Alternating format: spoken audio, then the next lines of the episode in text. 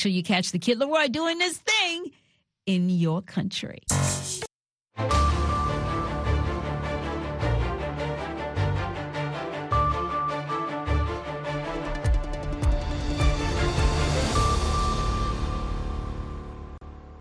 halkani waa washington laanta afka soomaaliga idaacadda v o a oo aad ka dhagaysanaysaan mawjadaha gaagaaban efmiyada geeska afrika iyo caalamkao dhan oo aad nagala socotaan v o a somaly com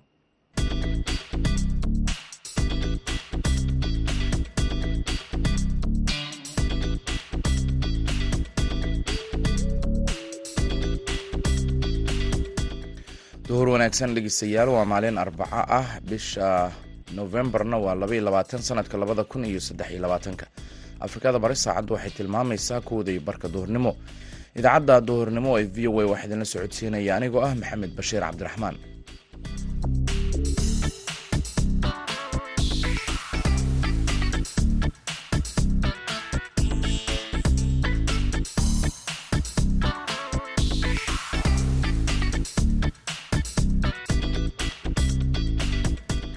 qodobada idaacadda duhurnimo aad ku maqli doontaanna waxaa ka mid a warmurtiyad laga soo saaray shirkii ay madaxda dowladaha ingiriiska iyo soomaaliya ku yeesheen london.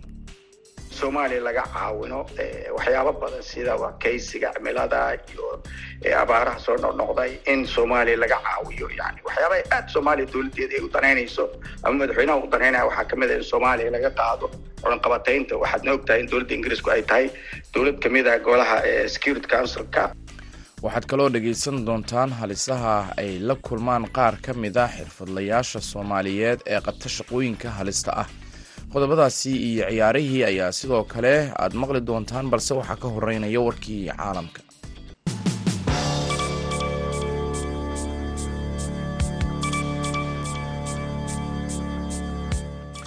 qaar ka mid a lahaysayaasha ay xamaas ku hayso marinka khaza ee ay ku qabsadeen weerarkii ay bishii hore ku qaadeen israa'iil ayaa laga yaabaa in la sii daayo subaxnimada khamiista ee berri kadib heshiis ay ku dhawaaqday dowladda qatar oo ay ku jiraan in israa'iil ay hakiso weerarada ay ka geysanayso khaza muddo afar maalmood ah.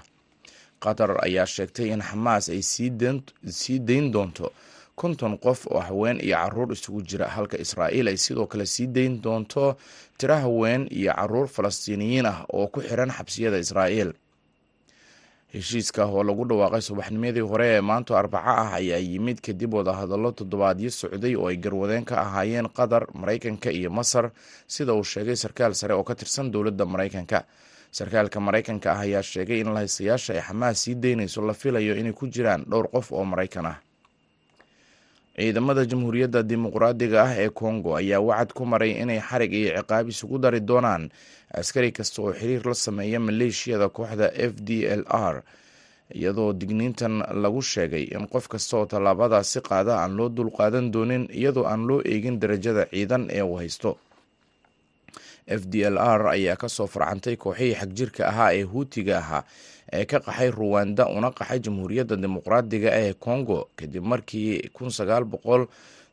afartii xasuuq u geysteen qowmiyadda tuutsiga ee ruwanda jamhuuriyadda dimuqraadiga ee congo ayaa si joogto ah loogu eedeeyaa inay ka barbar shaqaysay kooxda huutiga ah ee f d l r oo ay iska kaashadaan dagaalka ka dhanka ah fallaagada m saddex iyo labaatan ee tuutsigu hogaamiyo ee ka jirta bariga congo fariin muuqaal ah ayaa afhayeenka ciidamada congo waxa uu ku sheegay in dhammaan askarta iyadoo aan loo eegin darajadooda si adag oo shuruud la'aan ah ay mamnuuc uga tahay inay sii wadaan xiriirka ay la leeyihiin f d l r.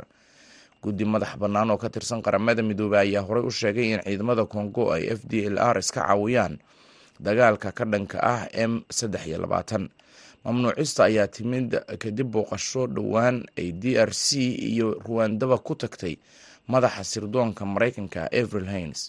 Warkii dunidana dhegeystayaal waa naga inta.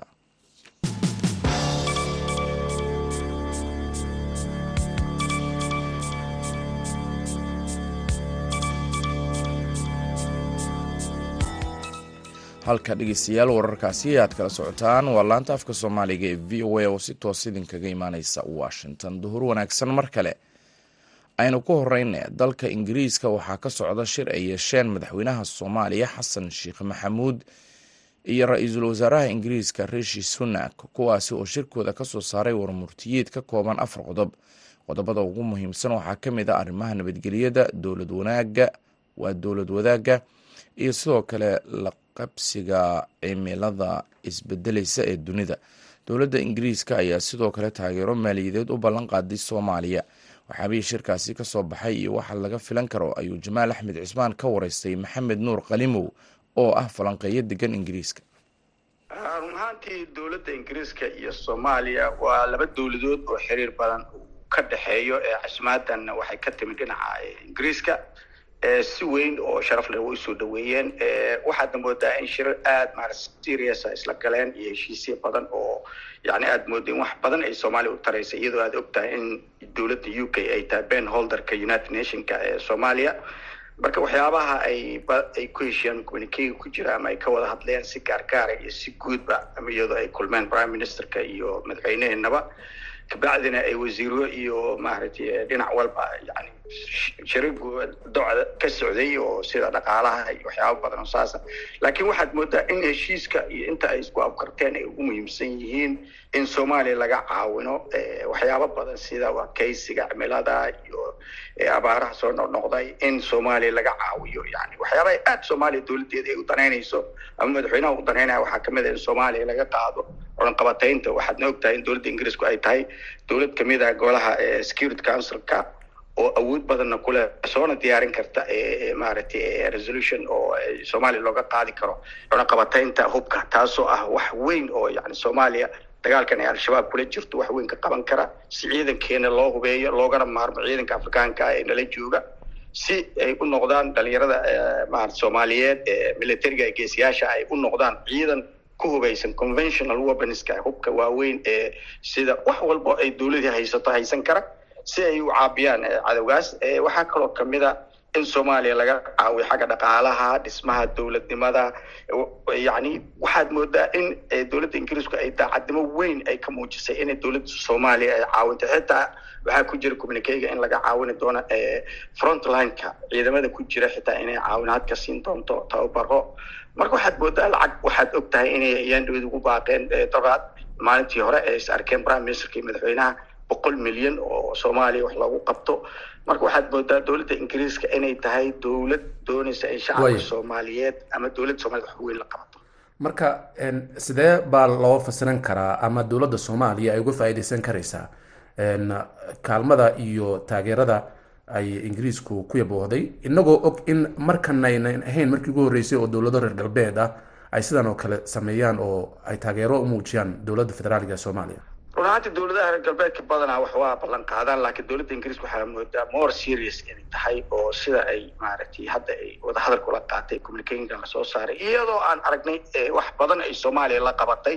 Laakiin hadda aad moodo in wax badan weliba khaasatan ka qaadida cunaqabatayntu aad ay dowladeena u danaynayso danna u ah ciidanka soomaaliyeed iyo sidii looga takhalusi lahaa shabaab.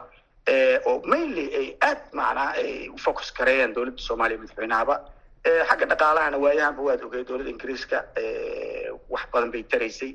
Waxay ku faaneen inay yihiin dowladda ugu horeysa reer galbeed oo ka furata safaarad muqdisho waxaad moodaa in bon ben holderkeena iyadoo ah oo united nation wixii dano oo soomaaliya uga xiran weliba hadda khaasatan inay caawinaad weyn naga siiso sida hubkalna looga qaadi lahaa cunaqabataynta hubkalna looga qaadi lahaa. Marka dowladda ingiriiska way ka duwan tahay dowladaha kale. Waxaad moodaa waagii hore soomaaliya inay guuleysteen dowladda talyaaniga laakiin maanta uga firfircoon yahay ingiriiska waxaa laqabadka soomaaliya caawinaadeeda iyo meel walba oo international affairs ama amahan dibadaha iyo meel bay ka caawinaan. Marka dowladda ingiriiska waxaan dhihi karaa iyadoo halkana ay joogaan community aad u badan oo soomaaliyeed oo yacni saameyn ku leh local maaragtay meelaha councilada xildhibaanada oo iyaga laftigooda samayn kara maaragtay pressure oo yani si dowladda soomaaliya ama shacabkeena soomaaliyeed wax loogu qaban lahaa marka dowladda ingiriiska runtii wax badan ayaa naga dhexeeya. Haddii yurub la yirahdana shacabka ugu badan oo soomaaliyeed waxay joogaan u k.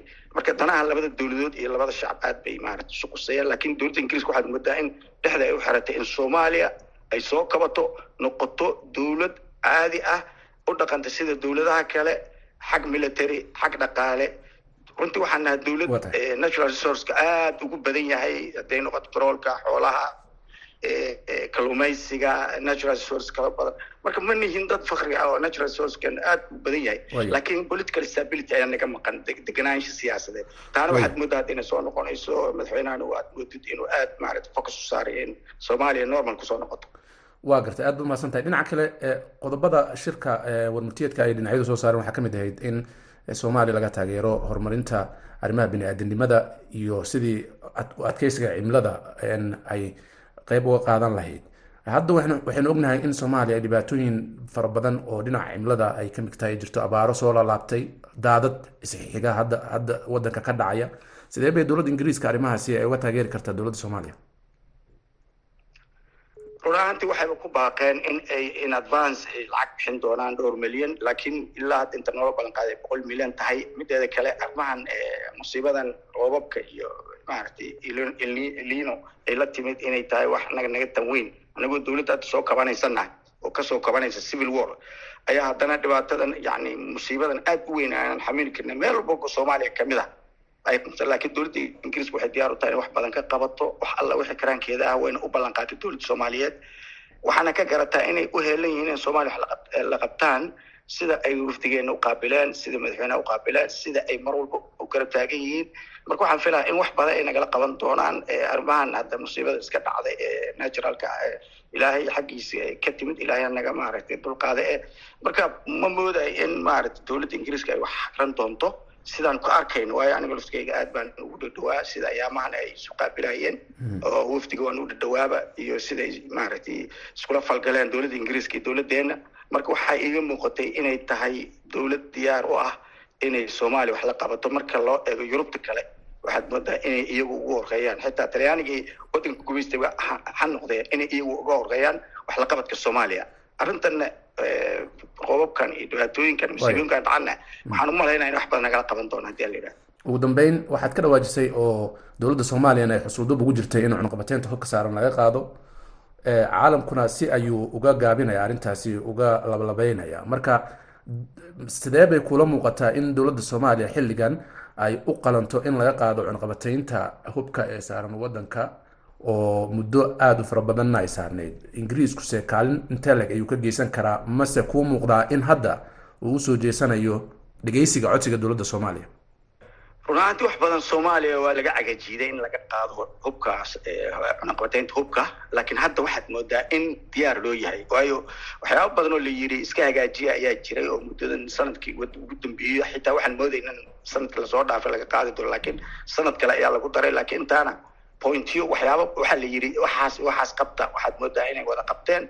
Marka waxaan umalaynaa fadhiga dambe ee waktiga soo socda sanadka hadduu dhamaado in soomaaliya laga qaadi doono. Hadday ugu rajo fiican tahay inna laga qaado after soddon sano ka bacdi in haddana laga qaado. Haddaan hubka cunaqabadeyntana laga qaadina yani soomaaliya haddii la yidhahdo had ka guulaysato shabaab kama guulaysan karto. Waayo ciidankeena oo aanan helin hubkii loo baahnaa ee dowladaha aan cunaqabteynta saaran ay ku hubaysan yihiin sida diyaarado helicoptero hubka waaweyn conventionalka haddaynan helin ciidankeena weligii baahidiisu kama baxaayo in afrikaanka joogaan ilaan iyaga hubka waaweyn haystaan marka waa ina laga qaada waana ugu dhowdaa hadda ingiriiskana waa u helan yahay inuu soomaaliya ka caawiyo united nationkana uu geeyo maadaama ben holderkeena uu yahay inna laga qaado. Marka rajadeena waa boqolkiiba yani aad bay u sarreysaa inna laga qaado this time sanadkan in laga qaadi doono.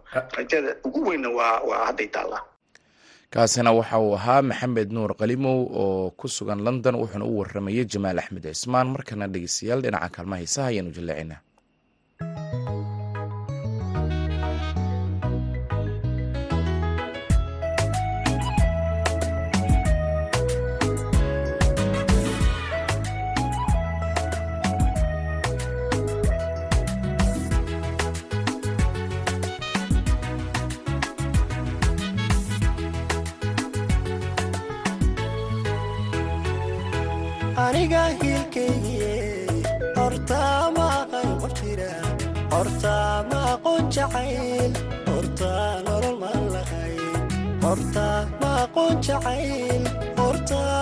maalaqay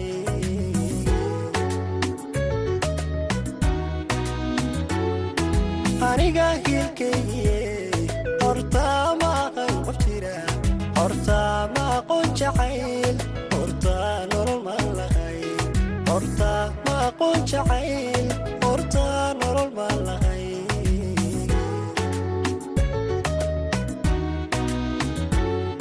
horta layma qaybin jirin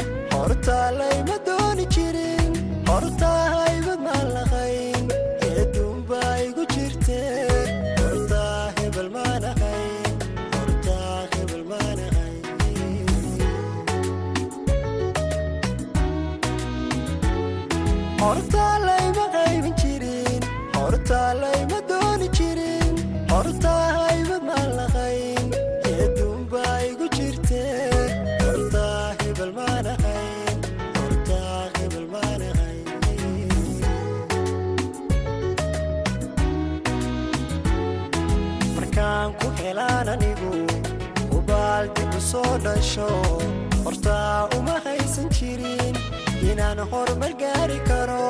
Hortaa waxumaan ahayn hankana adiga korsho. Farxadii kaamay horreeye farxadii kaamay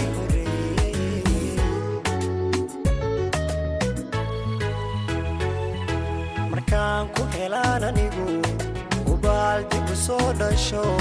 Hortaa uma haysan jirin inaan horumar gaari karo.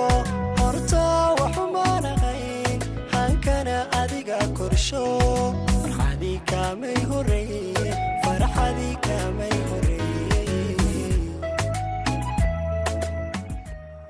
dhegeystayaal waxaad nagala socotaan laanta afka soomaaliga ee v o a oo si toos idinkaga imaaneysa. Washington duhur wanaagsan mar kale waxaa jira dhalinyaro badan oo soomaaliyeed kuwaasi oo ku shaqaysta xirfado kala duwan si ay noloshooda u maareeyaan balse qaar ka a dhalinyaradaasi ayaa wajahaya caqabado iyo dhibaatooyin kale. Waxaa ka mid a dhalinyarada ka shaqaysa farsamada cusbada. Haashim sheekh cumar good ayaa warbixintan ka soo diray magaalada buurama. Maxamed xaddi cige wuxuu ka mid yahay dadka ka shaqaysta wax soo saarka milixda ee noloshooda ku dabara degana deegaanka toqoshi ee degmada saylac muddo badan oo uu ka shaqaynayay shaqadaasi ayaan wax ka weydiiyey maxamed.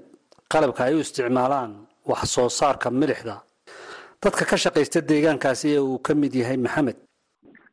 Keliya waxaan isticmaalnaa majarafada baasha majarafada la yidhaahdo ee lagu qodo ciidda lagu qodo iyo tooshka madaxa lagu xidho oo madaxa lagu sito iyo kaaryoonka lagu soo qaadayo ee lagaga soo qaado ceelka gaariga laga saarayo lagu keeno.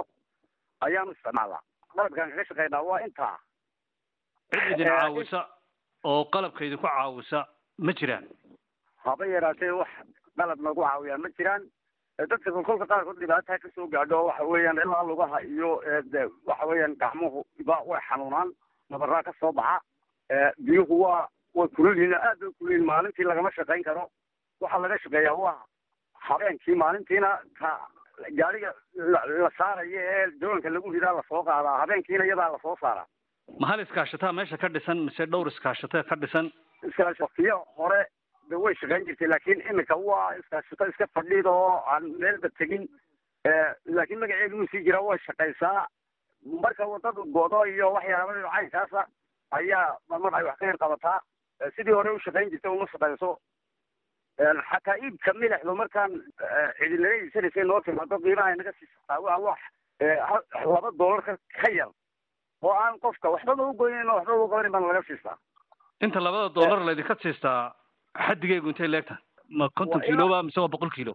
Wallahi waa ilaa konton kiilo ugu yaraan ilaa shan iyo afartan kiilo suuqa milixdu ma hoos buu dhacay sanadadan dambe mise kor buu kacay oo dadka soo dalbanaya way soo bateen hoos buu dhacay aad iyo aad buu hoos ugu dhacay. Waxay dhacda mararka qaar ilaa laba bilood ilaa saddex bilood maba aragna wax eh, naga iibsada.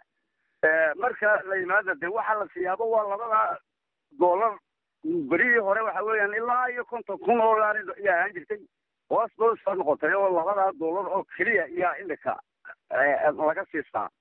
Meel kale oo ku xidhannahay oo de waxa iyaga aan u iibgeyno ama aan na ma hayno ama awooddii dee lagu iibgeysanayey ee lagu qaadanayey kharashkii gelayey iyo jawaankii iyo gaarigii kiradiisi iyo wixiina ma hayno maadaama deegaankaasi toqoshi caan ku yahay wax soo saarka milixda ma meelo kale oo milixda laga soo saaro oo suuqiina hoosu dhac ku keenay baa jirta waxaa jirta mararka qaar milixyo god cusba iyo dhuka laga keeno oo somaliland la keeno taasi dhibaatada ugu badan bayna gaadhsiisay oo waxa weeyaan de ilaa iyo waxa weeyaan buurama la keeno ma jiraan wax taageera oo aad ka heshaan dowladda somaliland iyo ta degmada saylac ee aad ka tirsan tihiin oo la idinku kabayo ama kor loogu qaadayo wax soo saarkiina? Wallahi haba yaraatee midnaba kama hayno midna wax kama hayno dawladdana kama hayno xataa degmadana kama hayno oo de cid noo timaado mataqaana waxaan ku noolahay orid xagga dariiqyada laydin soo marayey waxyeelada roobabkaasi idin gaadhsiiyeen ka mid ma tahay afartaa maalmood ee imika u dambaysay ee cirku uu yara kala qaaday maahina inta kaleba waa xidhnayd. Intaana ilaahay mooyaane cid kale oo naga warhaysay iyo haba yaraatee wax meelka kaloon u baxayna midna may jirin wax gurmadoo idin yimid ma jiraan oo dhinaca degmada iyo maamulkan kale ee gobolka idinka yimid? Wax gurmada ma hayno waan u sheegnaa xataa waan u sheegnaa. Waxa weeyaan mararka qaar iminka biyihii xataa biyihii roobka ee daay ayaa ilaa iyo magaalada dee dhex jooga oo markaasaa cayayaano ka dhashay. Xataa xaggii caafimaadka wallahi dhibaato xoog leeyaa ka taagan meesha. Dhinaca caafimaadka ee tilmaantay ee biyaha maxay xanuun idinku keeneen dadka deegaanku ayaad ka cabanaysaan. Xanuunada hore aydaan arki jirin ee imiga roobabkaasi ka dhashay ee dadku qabaan waa kuwey way jiraan oo wallahi xanuun xumadahood qofku mataqaana isagoo caafimaad qaba markuu inka kaa tago galabtana uu mataqaana soo dhiriirayo oo uu xumad aad u walana yeelayso taasi way jirtaa oo dhinaca kaneecada beriga iyo biyahan iyo geedaha ka dhalatay ayaana keenaysa. Dhinaca kale waxa weeyaan dhaktaro iyo wax caafimaad oo kale oo mataqaana ama dawooyin deen waxaan lagula tacaala ama inta badan ma jiraan.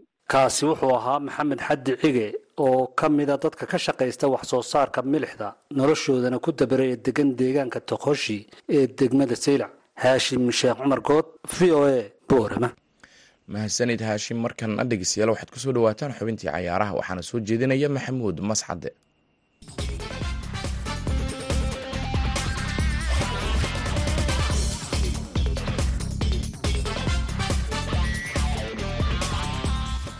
kulan wanaagsan dhegaystayaal dhammaantiinba kuna soo dhowaada xubinta ciyaaraha.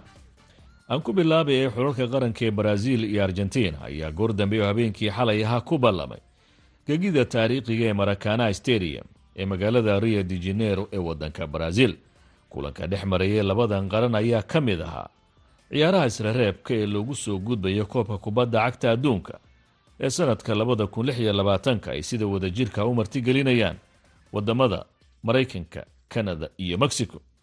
Labadan dal ayaa markii ugu horreysay tan iyo sannadkii labada kun koob iyo labaatankii waxa ku kulmayeen gegidan marakana stadium markaasi oo xulka qaranka argentina ay gegidan ku hantiyeen kooba america waxa uu ahaa koobkii ugu horreeyey oo ciyaaryahan leonel messi uu qarankiisa u qaado.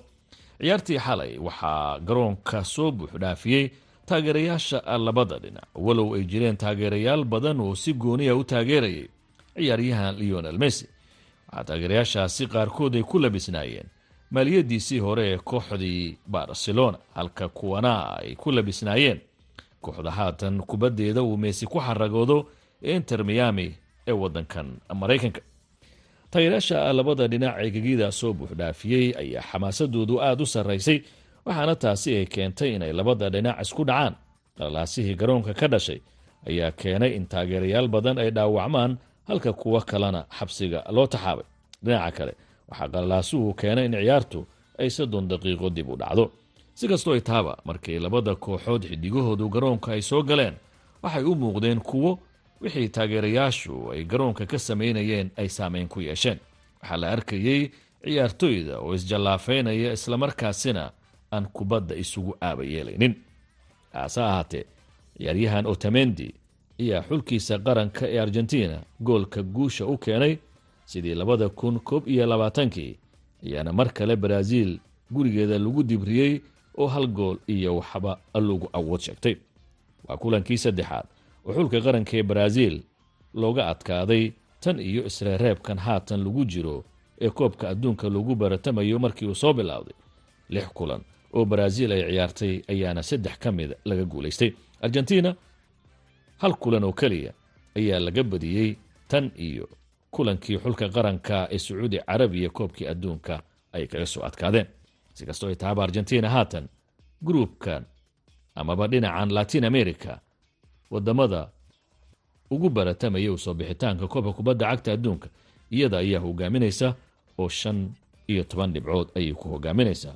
Kulamadii kale ee xiisaha la ee dhacayna waxaa ka mid ah uruguay oo bolivia saddex gool iyo waxba kaga adkaatay xubintana ciyaaruhuna waa naga inta waa mascadoodu ku dhaafaya sidaa iyo nabadgelyo.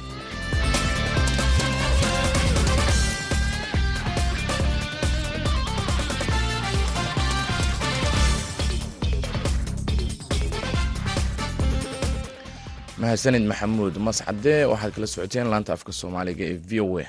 Markanna dhegeystayaal waxaan dib ugu laabanaynaa kaalmihii heesaha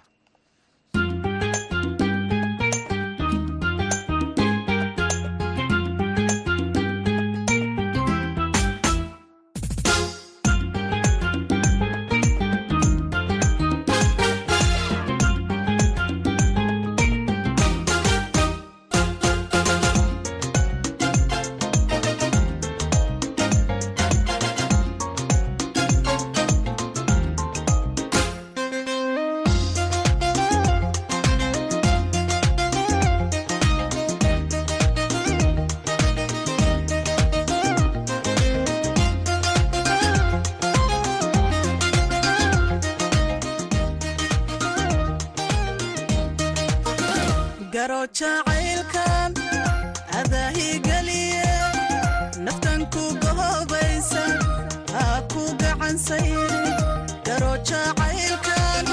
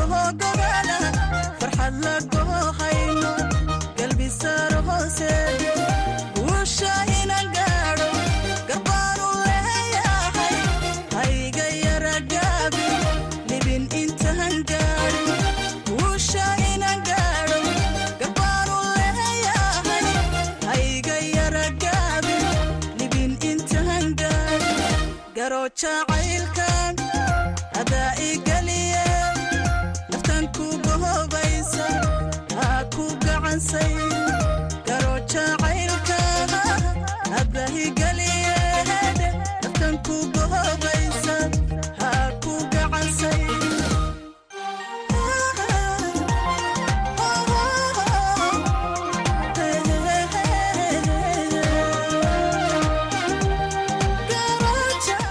codkaasi fanaanada ken jaamacyare wuxuu gebagabo u ahaa idaacaddii duhurnimo oo si toos idinkaga imaanaysay laanta afka soomaaliga v o a.